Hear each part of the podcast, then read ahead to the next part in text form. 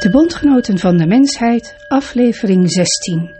De eerste toelichting van de leraren, deel 2, vervolg. Het probleem van de menselijke ontkenning.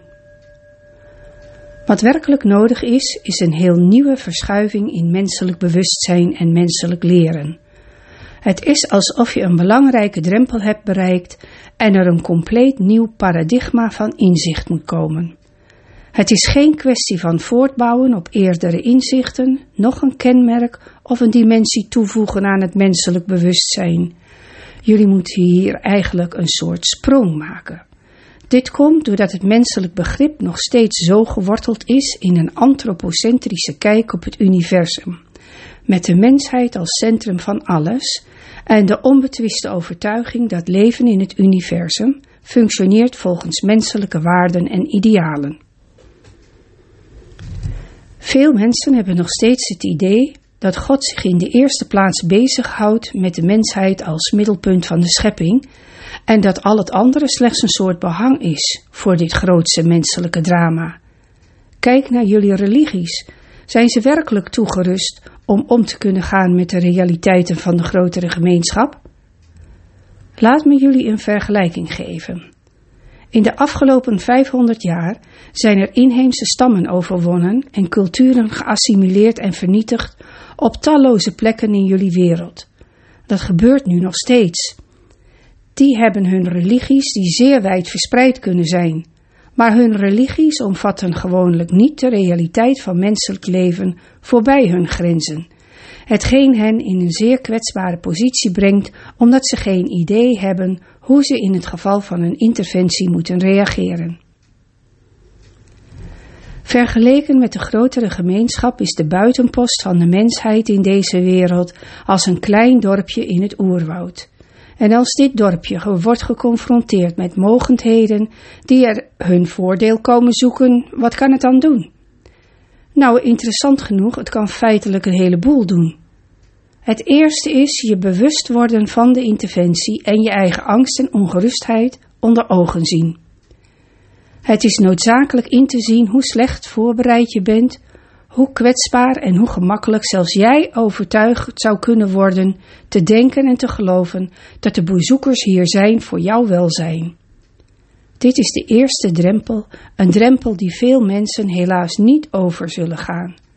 Ze zullen zich terugtrekken of in ontkenning vluchten of een zeer wenselijk perspectief over de hele zaak werpen. De eerste drempel is dus je situatie te onderkennen. Zelfs als de interventie op dit moment niet zou plaatsvinden, weet je dat het op een gegeven moment zal gaan gebeuren. Zie je, het is interessant.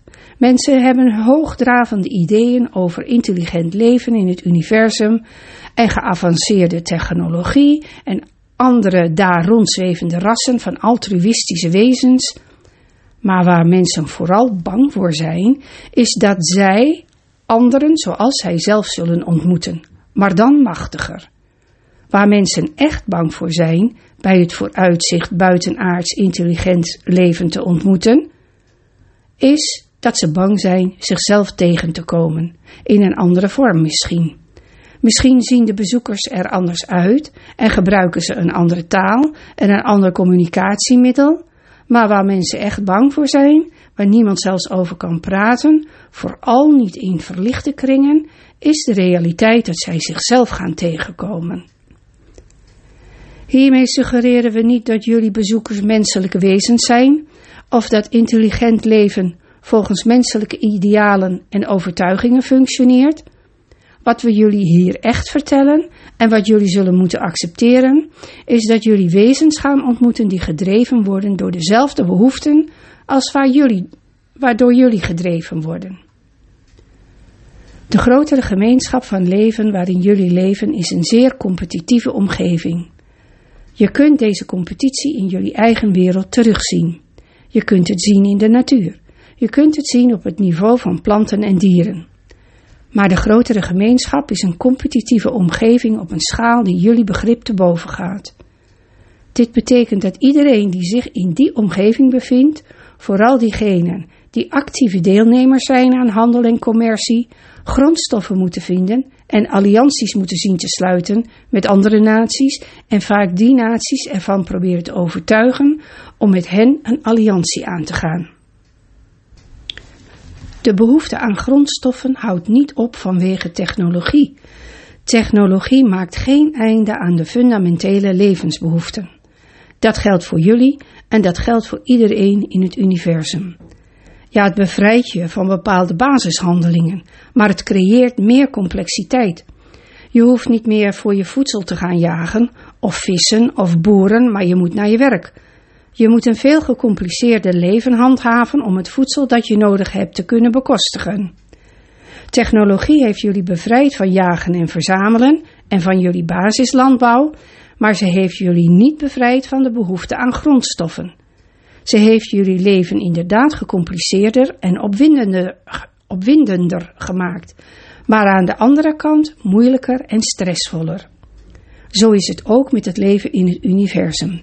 Iedereen moet eten. Iedereen moet in stand houden wat hij of zij gecreëerd heeft.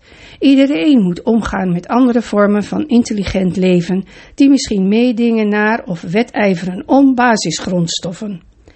Denk je dat een geavanceerde natie in het universum niet veel behoefte heeft aan grondstoffen? Hoe groter naties of organisaties worden, des te meer zij persoonlijke vrijheid voor hun leden zullen inperken en des te groter de behoefte aan orde en conformiteit zal zijn. Daarom zijn in het universum de echt vrije naties klein en geïsoleerd. Hun technologie heeft hen voordelen gegeven, maar zij moeten deze beschermen en verborgen houden. Het zou net zoiets zijn als dat je een miljoen dollar kreeg en ermee de markt opging. Jongen, wat een enorme schok. Nu is iedereen ineens je vriend. Nu wil iedereen je uitnodigen om in zijn onderneming, in zijn project te investeren, of ze hebben je financiële hulp nodig omdat ze in de problemen zitten. Als de mensheid ooit in staat zou zijn buiten haar wereldgrenzen te reizen en haar grote inzet en ondernemingszin in het universum uit te dragen, zou het net zo zijn als met het huisvrouwtje dat met een miljoen dollar naar de markt gaat.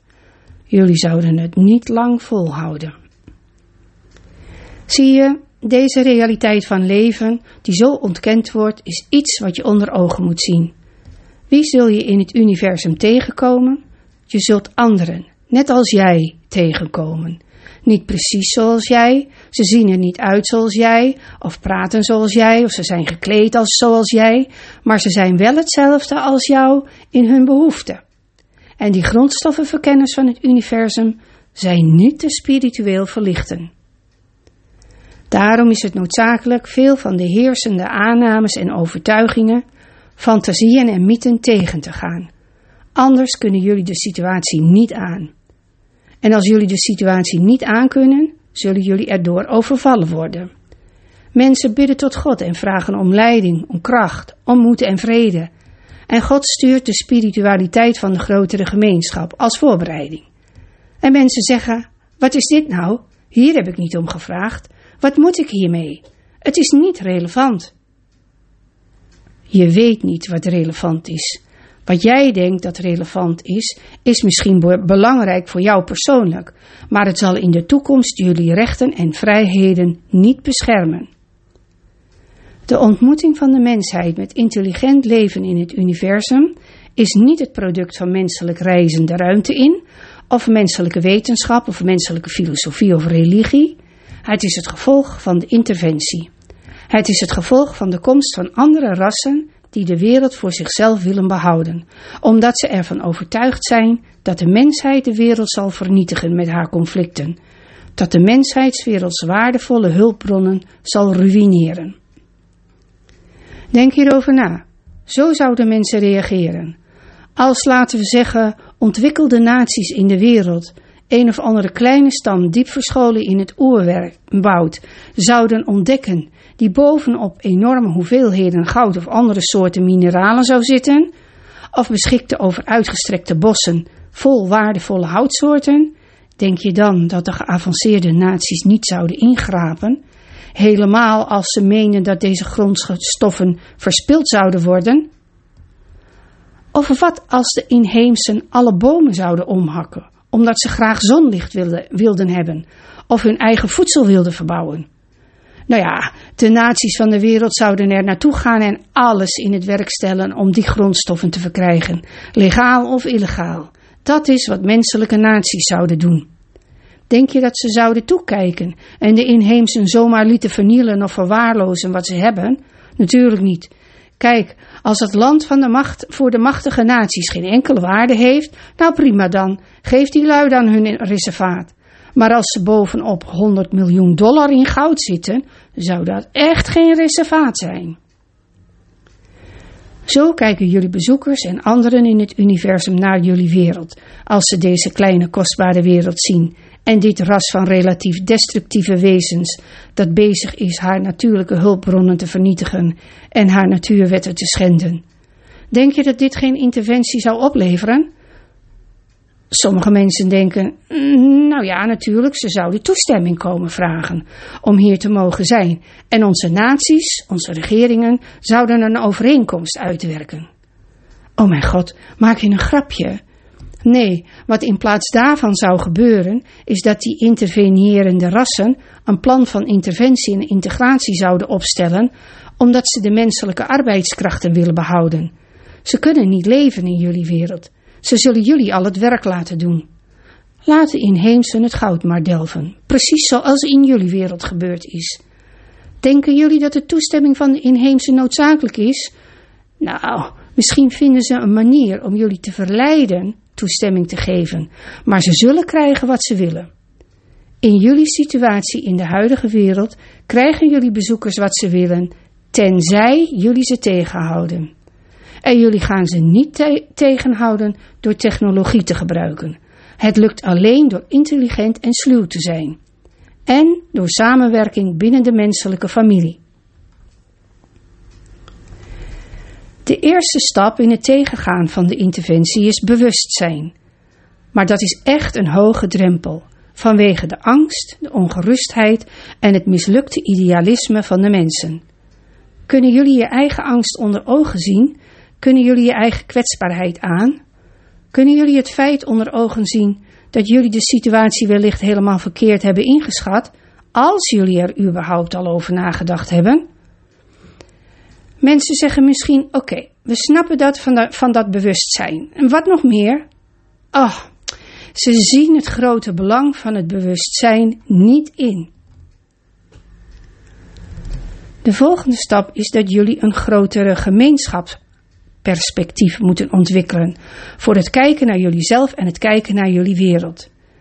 Denken jullie dat de mensen de hulpbronnen van de wereld zouden vernietigen als zij kon erkennen dat het behouden en onderhouden van deze hulpbronnen precies datgene is dat menselijke vrijheid in de toekomst zal behouden? Als de mensheid het vermogen verliest zichzelf te onderhouden en afhankelijk wordt van vreemde mogendheden, niet alleen voor geavanceerde technologie, maar zelfs voor basisgrondstoffen, dan verliezen jullie je vrijheid. Misschien zeg je wel, ah, dat geloof ik niet. Wij zouden onze vrijheid echt niet verliezen. Maar als je er objectief over nadenkt, zul je inzien dat jullie je vrijheid wel zullen verliezen.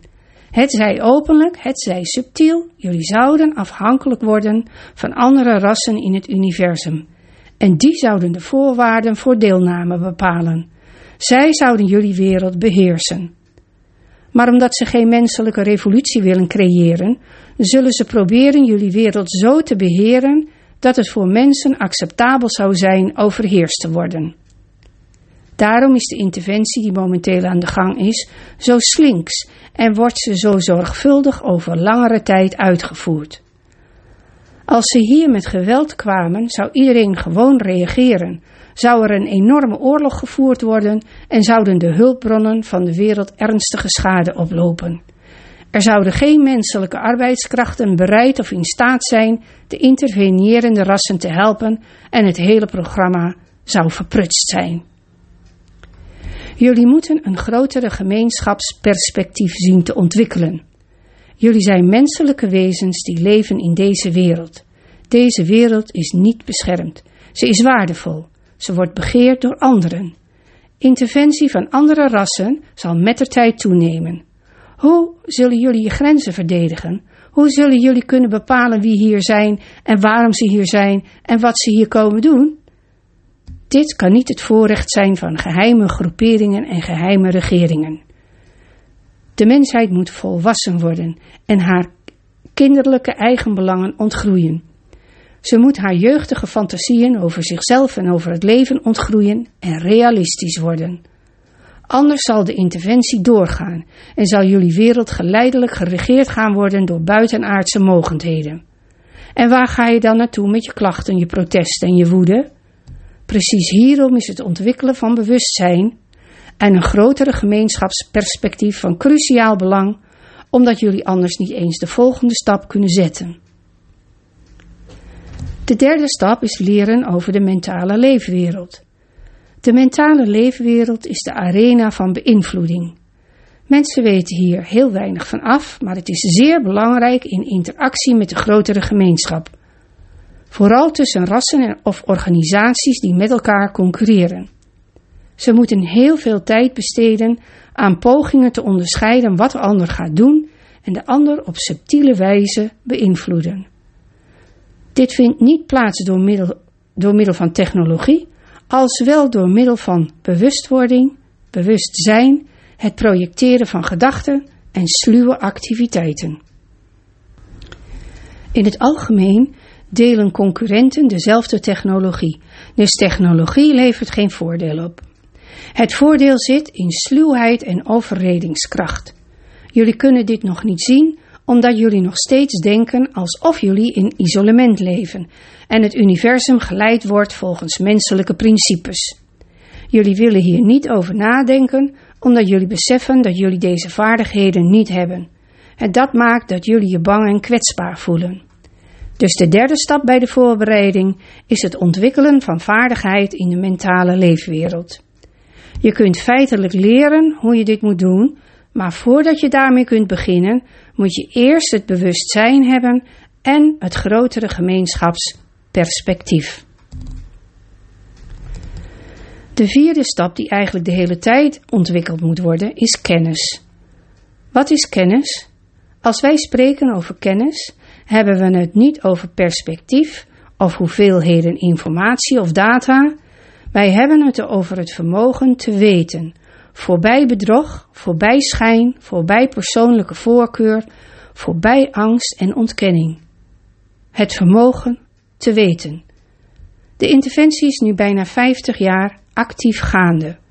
En de mensen die beweren het UFO-fenomeen te bestuderen, wel, weten die al iets of zijn ze nog steeds data aan het verzamelen? Nou, zeggen ze waarschijnlijk, we willen geen voorbarige conclusies trekken. Weet je, dit is zo gecompliceerd en misschien begrijpen we het wel nooit. Waar heb je het over? Is dit ontkenning? Is dit onwil om een conclusie te trekken? Of is het dat mensen het gewoon niet weten? Kunnen ze niet zien en voelen wat dit werkelijk is? Kunnen ze na 50 jaar nog steeds niet zien wat dit werkelijk is? Hebben ze meer bewijs nodig? Oh mijn god, hoeveel meer bewijs dan? Nog eens 50 jaar bewijs, 100 jaar bewijs, nog 50 jaar bewijs erbij en het is allemaal voorbij. En de conclusie die je zult trekken ligt zo voor de hand. Het is als mensen die 30 jaar getrouwd zijn, die eigenlijk nooit hadden moeten trouwen. En het kost ze 30 jaar om uit te vinden dat ze in het verleden een fout hebben gemaakt. En eigenlijk hun diepere gevoelens hadden moeten volgen. En niet met die ander naar het altaar hadden moeten lopen. Maar ze hebben die 30 jaar geprobeerd het met elkaar te redden. Zonder kennis zul je alleen maar weten wat anderen willen dat je weet. Je zult alleen maar denken wat anderen willen dat je denkt. Of het nu je ouders zijn, je cultuur, je sociale groepering, je regering of de grotere gemeenschap. Je zult in feite net als vee zijn en van hot naar haar geleid worden, van de ene weide naar de andere. Zonder kennis word je overgenomen en overweldigd door de mentale leefwereld. Kennis is de diepere spirituele geest in jou. Het is het enige deel van jou dat niet kan worden beïnvloed door de mentale leefwereld. Het is het enige deel van jou dat vrij is van bedrog en manipulatie. Wil je vrijheid voor jezelf? Dan moet je de weg van kennis leren. Wat is vrijheid anders? Meer geld hebben? Minder werken en meer geld hebben? Is dat vrijheid? Kijk naar de rijken die geen vrijheid hebben. Oh, ze hebben veel geld en ze kunnen overal heen waar ze naartoe willen. Sommigen van hen hoeven niet eens te werken. Maar zijn zij vrij? Of zijn ze slaaf van hun geld, hun situatie en hun privileges, hun lusten en hun angsten? De boodschap in de briefings van de bondgenoten van de mensheid gaat over vrijheid. En om vrijheid te hebben moet je je bewust worden van de interventie. Je moet een grotere gemeenschapsperspectief ontwikkelen. En je moet leren over de mentale leefwereld en haar invloed op jou. En je moet je ervaring van kennis ontwikkelen. Niks geen technologie hier, hoewel technologie een kleine rol kan spelen in dit geheel. Als we spreken over het leren van de weg van kennis, praten we niet alleen over intuïtie ontwikkelen. Dat is niet voldoende. Je moet je feitelijk verbinden met de wetende geest binnen in jezelf en dat is geen gemakkelijke taak. Er zullen er veel zijn die niet bereid of niet in staat zijn dit te doen. Maar niet iedereen hoeft dit te doen om het tijd te keren voor de mensheid, om een bewustzijn van de grotere gemeenschap te ontwikkelen en te beginnen met het leggen van grenzen rondom jullie wereld. Er mag geen geweld gebruikt worden om een planeet als die van jullie over te nemen. Daarom moet de interventie subtiel zijn. Ze moet misleidend zijn. Ze moet indringend zijn. Ze mag geen geweld gebruiken. Dat is goed voor jullie, omdat jullie bruut geweld niet zouden kunnen tegengaan. En bruut geweld zou het resultaat voor de bezoekers vernietigen, als je ze bezoekers kunt noemen. Er zijn vele redenen waarom zij dat niet zullen gebruiken. De schepper heeft geantwoord op deze grote nood van de mensheid, een nood die nauwelijks als zodanig wordt herkend, door de leer van de spiritualiteit van de grotere gemeenschap te presenteren. Deze leer omvat de realiteit van het leven in de grotere gemeenschap. Nog nooit eerder is zo'n leer in de wereld aangeboden, omdat het niet eerder nodig was. Ja, er zijn vele spirituele, spirituele leringen die de weg van kennis tot op zekere hoogte benadrukken, maar de weg van kennis van de grotere gemeenschap is nog nooit eerder in de wereld aangeboden. Jullie hebben haar nu echter nodig. Ze zal de wereldreligies niet vervangen, maar ze daarentegen een grotere rijkwijde geven, een ruimer perspectief en een bredere context om verder te groeien, te bestaan en te evolueren. Toch is het curieus dat de religieuze leiders van de wereld zich misschien wel het meest zullen verzetten tegen het leren van de spiritualiteit van de grotere gemeenschap. Om hun tradities te behouden, hun autoriteit en hun macht, zullen ze misschien precies datgene ontkennen wat hun traditie een toekomst zal geven in de grotere gemeenschap. Want zonder menselijke vrijheid is er geen toekomst. Zonder menselijke zelfbeschikking is er geen toekomst. En zonder begrip van de grotere gemeenschap zal er voor niemand hier een toekomst zijn. In elk geval geen toekomst die je zou kunnen omarmen. Je moet het belang voor jezelf hiervan inzien. Alles wat je wilt van het leven, alles wat je wilt zijn, doen en hebben, de interventie zou het je allemaal kunnen afnemen. Ga je zonder nadenken door met het nastreven van je persoonlijke doelen en verder zal het je een zorg zijn, daarmee zeggende dat het er niet toe doet? Zelfs als de interventie niet aan de gang was, zou de teleurgang van jullie natuurlijke hulpbronnen en de groeiende wereldbevolking hoe dan ook veranderen wat, jullie, wat voor jullie beschikbaar is. Sommige mensen zeggen, nou, uh, ik neem gewoon wat ik hebben wil en ik ga me niet druk maken over iets anders. Als mensen zo denken, zijn het net sprinkhanen. Ze storten zich op het land en vreten alles op wat in zicht komt.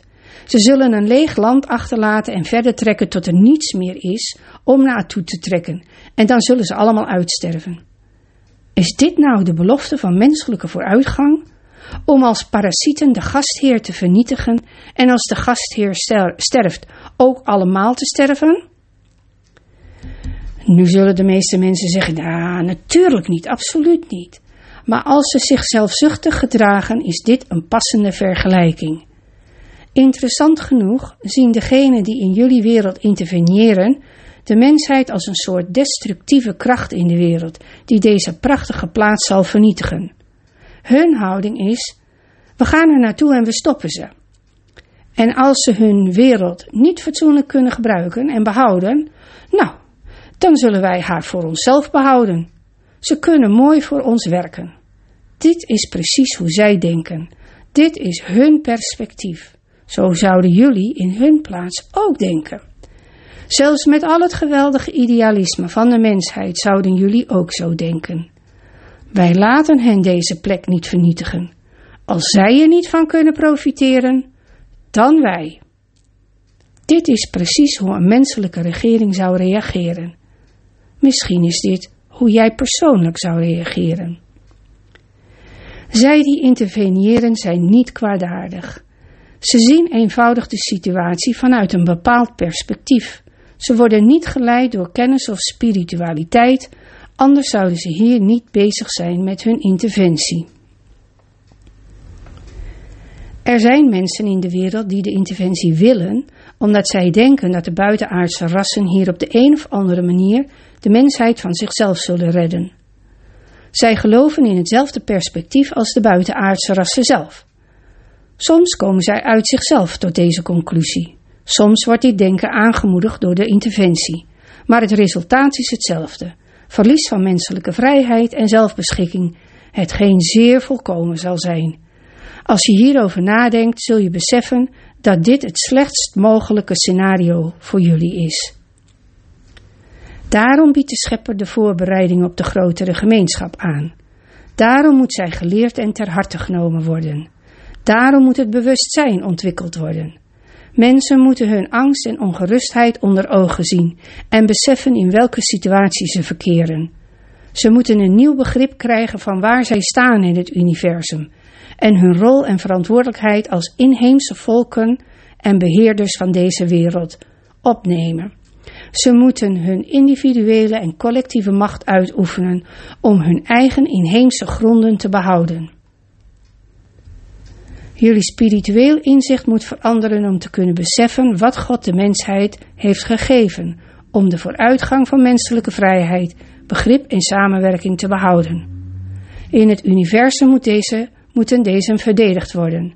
Jullie moeten erkennen dat jullie je fantasieën en idealen moeten ontgroeien, zelfs jullie eisen en verwachtingen, om de situatie helder te kunnen zien.